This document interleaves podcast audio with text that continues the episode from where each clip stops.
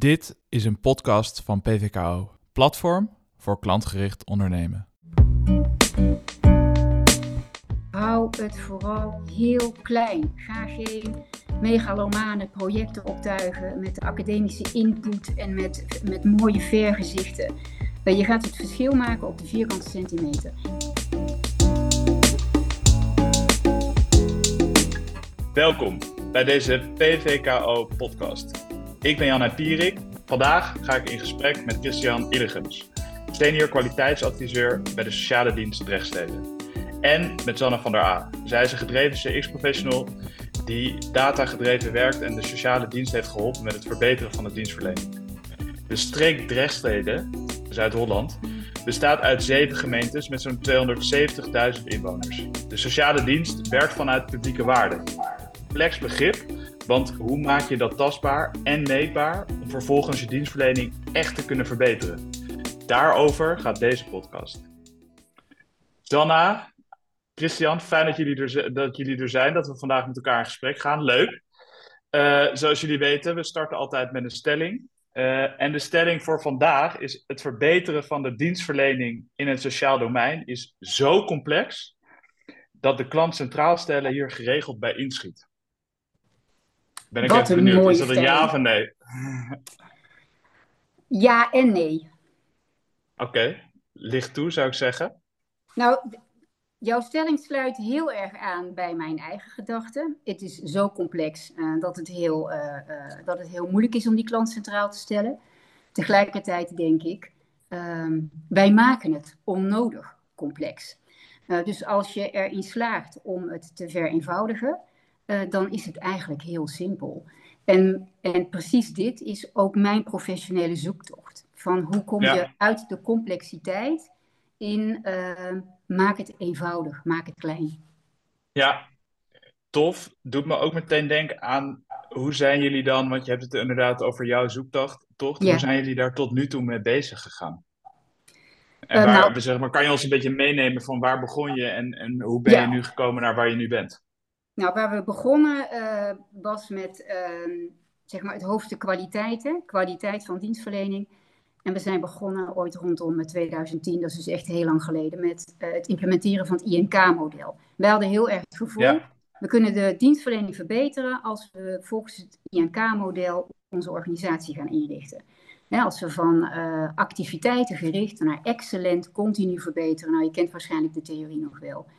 Dat is eigenlijk een hopeloze exercitie geworden, want het was veel te complex.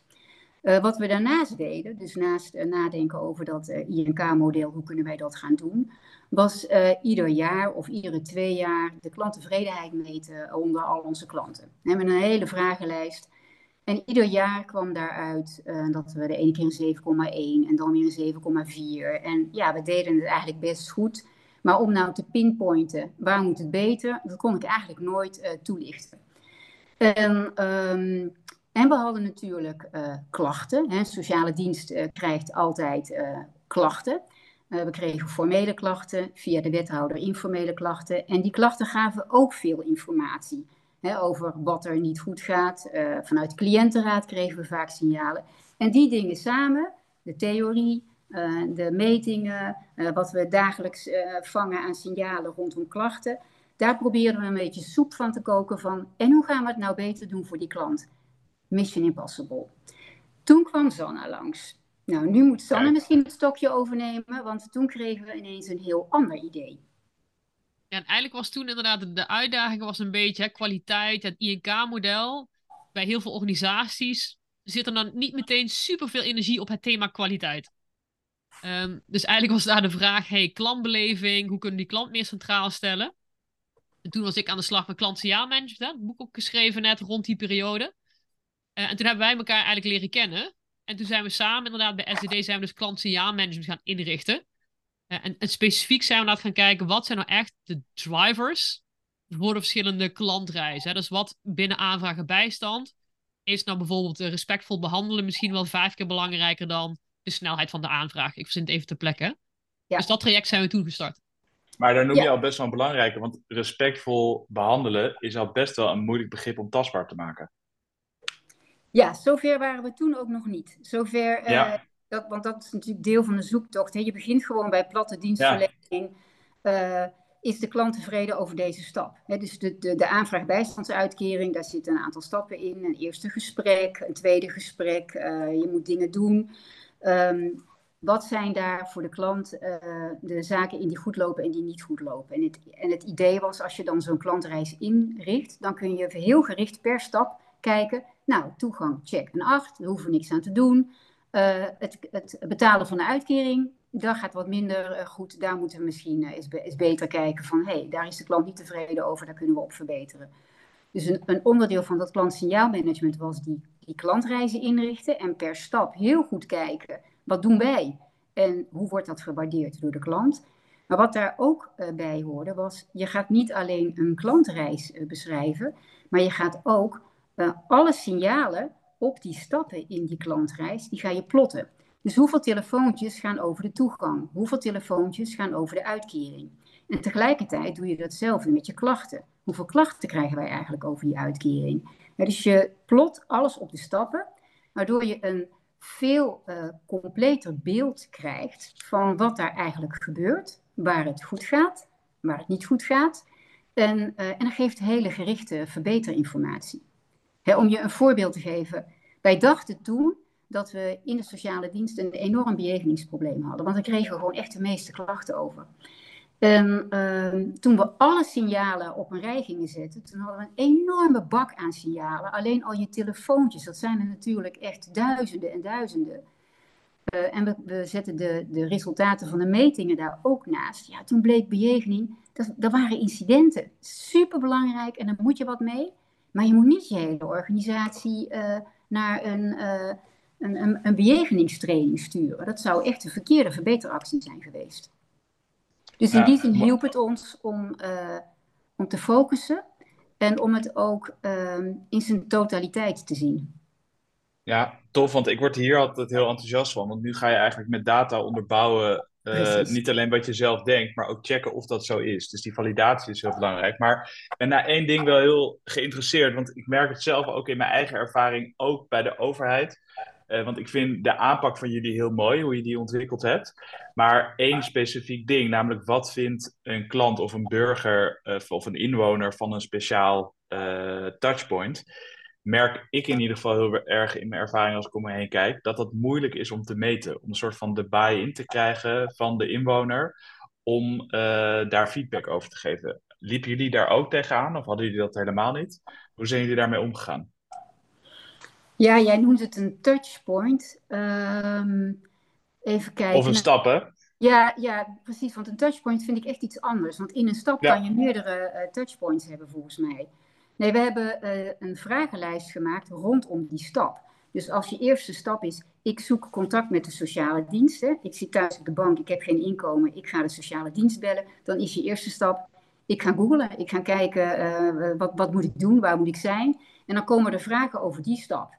Ja, als, als, als onderdeel, sorry Chris, als onderdeel van de vragenlijst over de hele journey. Precies. Dus het waren geen losse touchpoint metingen. Ja, goede, okay. goede aanvullingen, Sanne. En dus je had een dot vragen over die eerste stap. En dan was de tweede stap, uh, ik neem contact of ik maak een afspraak met de sociale dienst. En dan kwam er een dot vragen over die tweede stap. Nou, enzovoort, enzovoort. Dan had je bijvoorbeeld zeven stappen. En dan had je iets van, weet ik het, 50 of 60 stellingen die rondom die stappen waren opgebouwd. En op basis daarvan, die legden we aan de, uh, aan de klanten voor. En uh, toen we daarop genoeg respons hadden, toen konden we daar een, uh, een driveranalyse op maken. Hè? Van, van welke van al die dingen die we uitgevraagd hebben, heeft nou het meeste impact op de waardering van de klanten.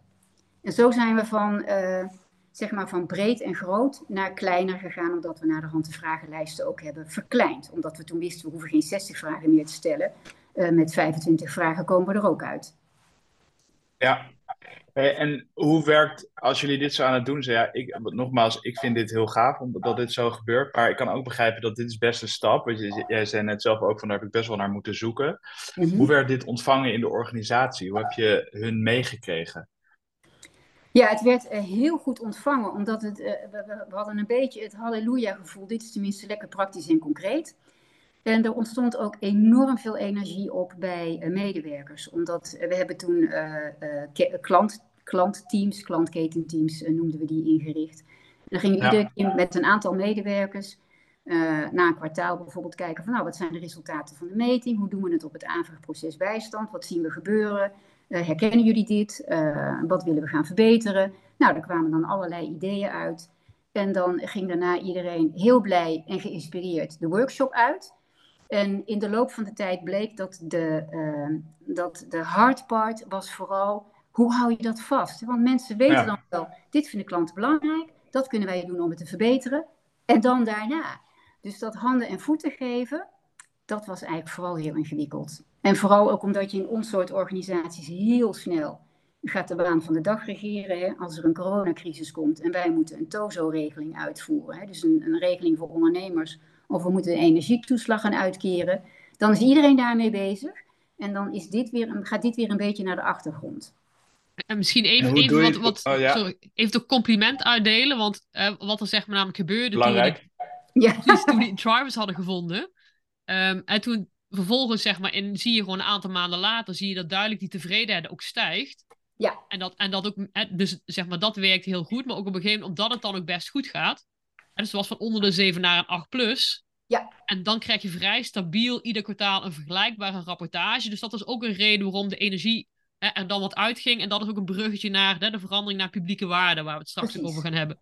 Ja, dat is een goede aanvulling, want uh, je komt zeker in een positieve flow. Als, als je ziet uh, binnen je organisatie van hé, hey, klanten vinden uh, duidelijke communicatie super belangrijk. En dat, dat is echt een hele belangrijke driver. En we gaan daar allemaal op letten. Hè. We weten dat nu. En je ziet je cijfer omhoog gaan, omdat iedereen daarop let. Hè. Iedereen weet dat. Ja, dat geeft een, dat geeft een, een, een, eh, een, een, een slinger eraan die je eigenlijk met niks anders kan geven. Dus de resultaten zijn absoluut, uh, die ja. gingen vrij snel omhoog. En, uh, alleen, ze gingen omhoog, maar op een gegeven moment bleven ze steady hoog. Daar zitten we nou eigenlijk ja. de laatste twee jaar op. Hè. Het, uh, de meeste onderdelen die we meten scoren boven een 8. Enkeling scoort wat lager en SCD gemiddeld zitten we ongeveer op de sociale dienst gemiddeld zitten we op een 7,9. En dat, dat is al een tijd zo. En dan merk je van, oké, okay, we doen het goed op dienstverlening, maar doen we ook het goede? Voegen we ook waarde toe? Komen gaandeweg, komen er andere vragen op? Uh, en ja. dat heeft natuurlijk, sorry. Nee, oh nee, sorry. Nee, nog één vraag voordat we daar naartoe gaan. Want dat vind ik een ja. super interessant onderwerp. Maar eigenlijk, om het compliment van Zanna aan te vullen ik eh, zeg maar dat eh, knap dat jullie niet alleen hebben kunnen zien waar het om gaat, maar daar ook wat mee gedaan. Maar hoe hebben jullie met name die vertaalslag gedaan? Uh, want ik merk ook vaak dat dat in grote organisaties best lastig is om ook daadwerkelijk dat in de, tot en met in de operatie live te krijgen. Hoe hebben jullie dat gedaan? Nou, dat is, het is ons niet gelukt om dat uh, organisatiebreed in de hele operatie ge, geïmplementeerd te krijgen.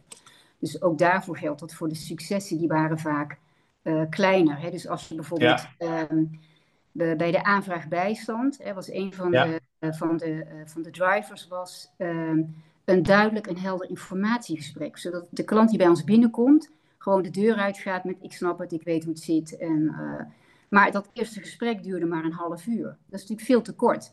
En op ja. het moment dat dat gesprek een uur werd en er, en, en, er werd afgesproken in de organisatie, nee, we gaan daar echt tijd voor nemen. Dus we, uh, we spreken die klant een uur en als het dan nodig is, maken we desnoods een vervolgafspraak.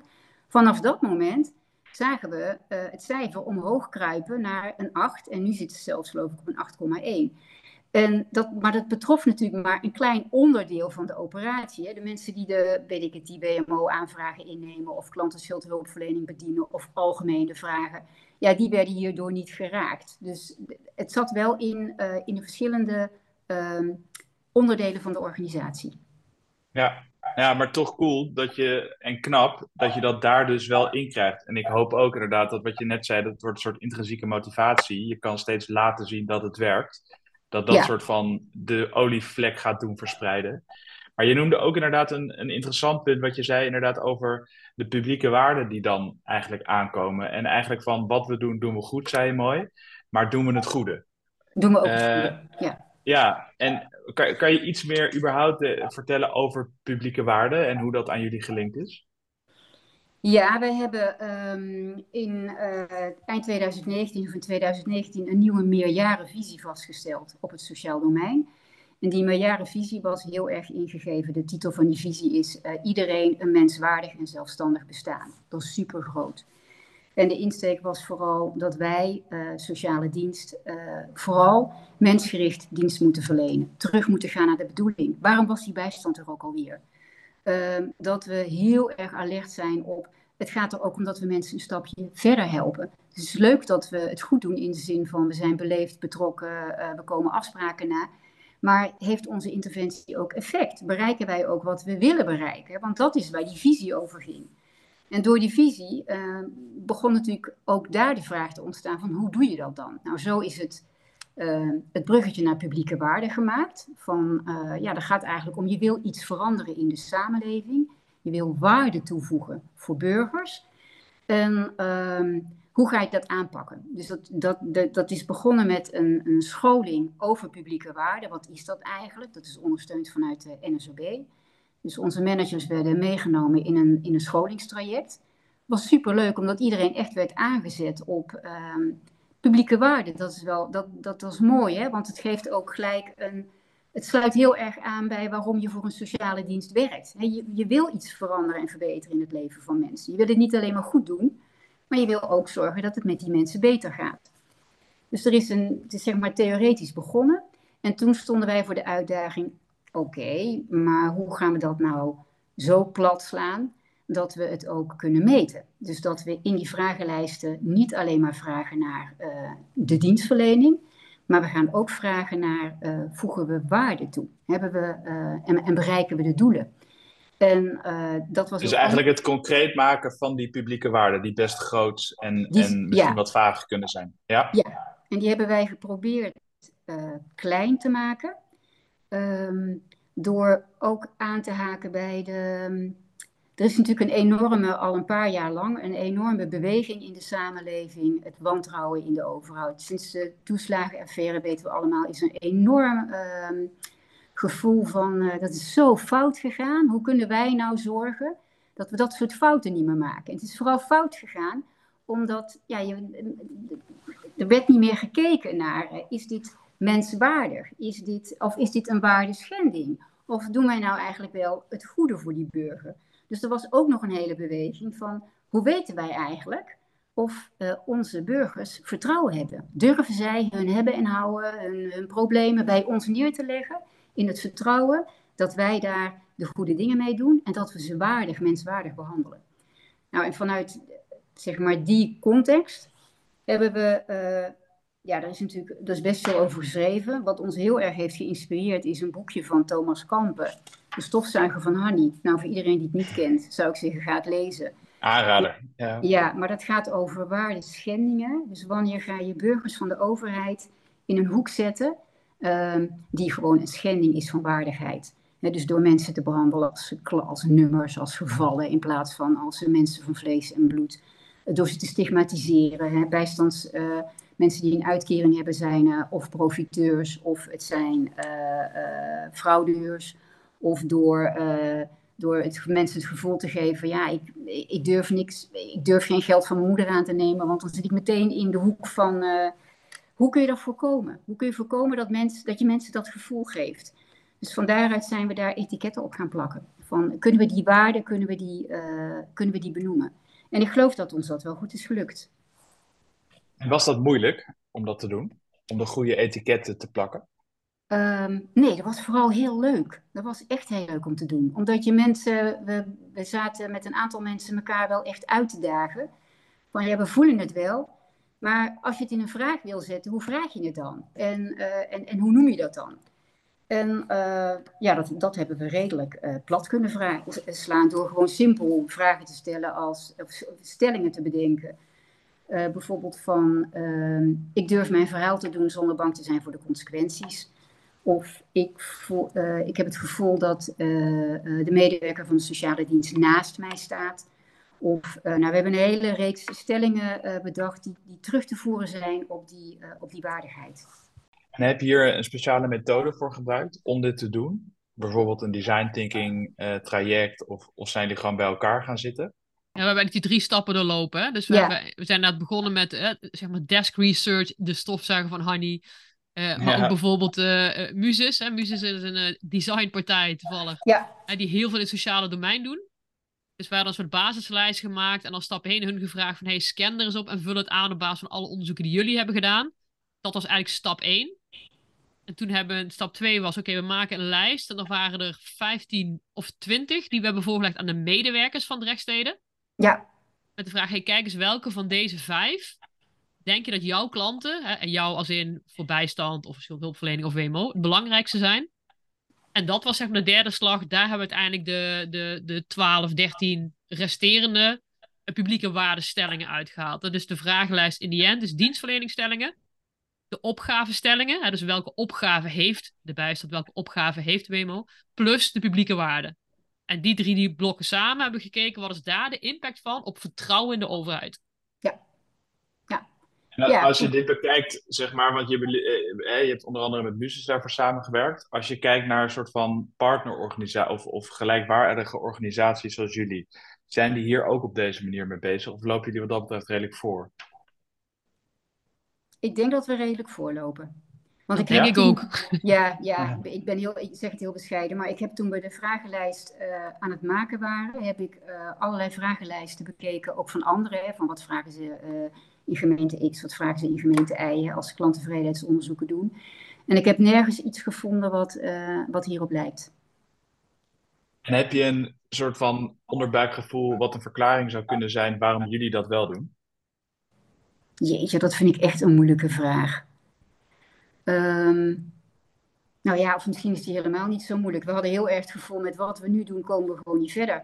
Want het is superleuk dat we kunnen zeggen, we hebben een, eh, een 7,9 of een 8 voor dienstverlening. En dan, wat doen we dan eigenlijk? En als je dat na- legt naast al die, al die prachtige verhalen en die vergezichten. ehm, hoe weten we nou of we dat überhaupt bereiken? En daar kunnen we Ja. elkaar eindeloos mee bezighouden. Maar uiteindelijk is de klant de enige die ons kan vertellen check, dat doen jullie heel goed. Of ik baal er ontzettend van. Dat, eh, ik voel me helemaal niet gezien. Of ik voel me niet respectvol behandeld. Dat moet je toch echt aan de klant vragen. En, Ja. en ik denk ook dat rechtssteden altijd in die zin wel meer voorop loopt. Hè? Want ook als we, we hebben toen in die tijd, ook toen we ook met klantenjaarmanagement bezig waren, hebben we ook inspiratiesessies gedaan voor andere sociale diensten. Ja. En ook recent nog, hè, dan spreekt Chris ook met andere eh, gemeenten. En, en die zei, jeetje, wat doen jullie al veel? En dat is dan nog even het klantenjaarmanagement deel dienstverlening drivers. Dat is nog niet eens het publieke waardedeel. Ja, dus voor mijn gevoel ligt, ligt, eh, zit er iets in het DNA van de rechtssteden, wat ook wel maakt dat zij steeds wel eh, vooruitlopen. Ja, Ah, tof. ja Tof. dat denk ik ook. Ja. Hey, en ah, je kan hier dus die drivers door analyseren, maar wat waren vanuit jullie resultaten nou de belangrijkste inzichten? Zijn er dingen die je niet had verwacht bijvoorbeeld? Ja, de, de belangrijkste inzichten was dat ehm, per opgave zijn er andere drivers. Dus mensen die een bijstandsuitkering aanvragen, die vinden andere dingen belangrijk dan mensen die een, eh, eh, een WMO, een zorgvoorziening aanvragen. En, eh, en echt heel anders. Dus dat was de eerste verrassing. En je denkt altijd, het zijn allemaal klanten van de sociale dienst. Maar er zitten echt flinke verschillen in, in de drivers. En wat we ook zagen, dat was ook een verrassing, dat we vanuit onze bestuurlijke opdracht zetten we in bijvoorbeeld op werk, hè, want we willen uiteindelijk, hè, we willen jou helpen om een stap verder helpen. En werk helpt daarbij, hè, want het helpt je om je eigen inkomen te verdienen. We, we, geven jou een scootmobiel, want het maakt jou zelfstandig. Je kan zelfstandig weer naar buiten. Dus, het, dus dat zijn onze beelden van eh, waar we mensen een stap verder helpen. En we merkten in deze meting dat eh, onze klanten dat helemaal niet belangrijk vinden. Dus eh, werk is helemaal geen driver en zelfstandigheid ook niet. En als je het verschil wil maken voor die klanten, dan moet je niet daar eh, je inspanningen op zetten. Ja, daar is politiek wel een interessante. Ja, Maar hoe, wordt dat ontvangen? Oh, sorry, Sanna, ga, eh, ga eerst. Ik, ik, ik wou veel zeggen, en, en daarnaast zeg maar de, de droom. Dus ik heb altijd het geintje gemaakt dat toen ik met mensen vooraf sprak toen we dit gingen doen. Ik zei, ja, volgens mij is dit, gaan we nu eindelijk hard maken dat menselijkheid gewoon de snelste route is naar vertrouwen in de overheid. En wel het geintje maken, ja, als het er niet uitkomt, dan ga ik nooit meer iets delen. maar dat kwam er dus ook uit, hè, dat inderdaad die menselijkheid, bijvoorbeeld, hè, ik ervaar minder stress, dat soort zaken. Dat is inderdaad ook een hele belangrijke knop. En dat hebben we nu gewoon hard bewezen dat dat zo is. Nou ja, dat sluit wel heel erg aan bij mijn hart van, jongens, Tof. laten we de hele overheid menselijker maken. Ja. Ja, Ja, en om terug te komen op jouw vraag, uh, Jan Heijn, ja, dat, dat, moet nog gaan blijken. Hè? Die, die discussies zijn nog helemaal niet uh, gevoerd met het bestuur. We zitten nog echt in, uh, we hebben de resultaten nu en we willen dat handen en voeten gaan geven in, in gewoon concrete, platte, kleine verbeteringen. Ja. ja, dus zijn dat eigenlijk jullie eerstvolgende stappen die je op, op beeld hebt? Ja, we hebben toevallig morgen hebben wij ja een, een, workshop met al onze managers, de opgavemanagers, alle afdelingshoofden, waarin we de resultaten van dit onderzoek gaan presenteren. En waarin we ze ook gaan meenemen in een methode om, uh, waarmee je in je eigen afdeling, in je eigen team, in je eigen proces het verschil kan gaan maken. En uh, dat is de methode van de Tiny Habits. Nou, misschien moet Sanne ja. daar iets over vertellen. met alle liefde. Nee, ik denk een van de, van de grootste uitdagingen het onderzoek is in die zin best geduldig. dus hier komen super mooie dingen uit. Maar het, risico is dat we denken, hé, hey, maar misschien is die verdiepende analyse ook wel interessant. En zo blijven we, en ik maak even zwart-wit hè, maar zo blijven vooral niet bewegen.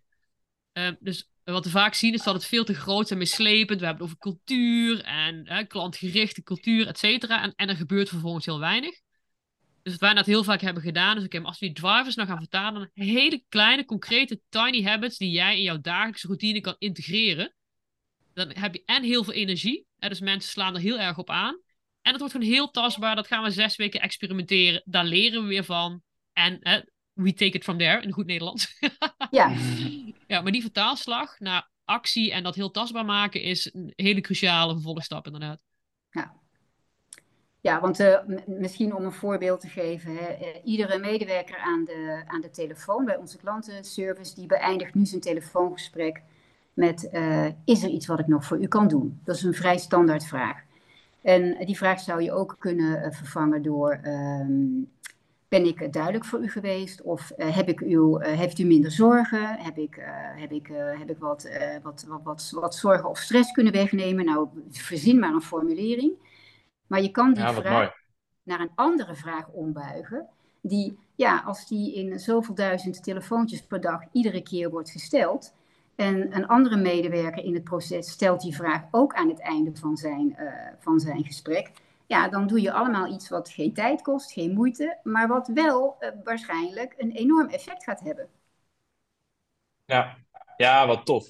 Ja, klinkt alsof jullie inderdaad en de analyse en uh, uh, die analyse omzetten in activiteiten die ze gaan uitbetalen uh, hebben gedaan. Wat onwijs tof.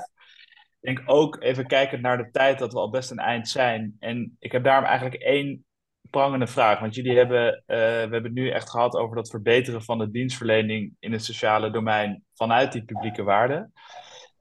maar als je nou één gouden tip zou mogen geven, uh, Christian, voor een collega bij een andere overheidsinstantie die enthousiast is geworden van dit verhaal, wat zou dat dan zijn? Ja, het, het, het, klinkt heel simpel, maar toch hou het vooral heel klein. Ga geen megalomane projecten optuigen met academische input en met, met mooie vergezichten. Eh, je gaat het verschil maken op de vierkante centimeter.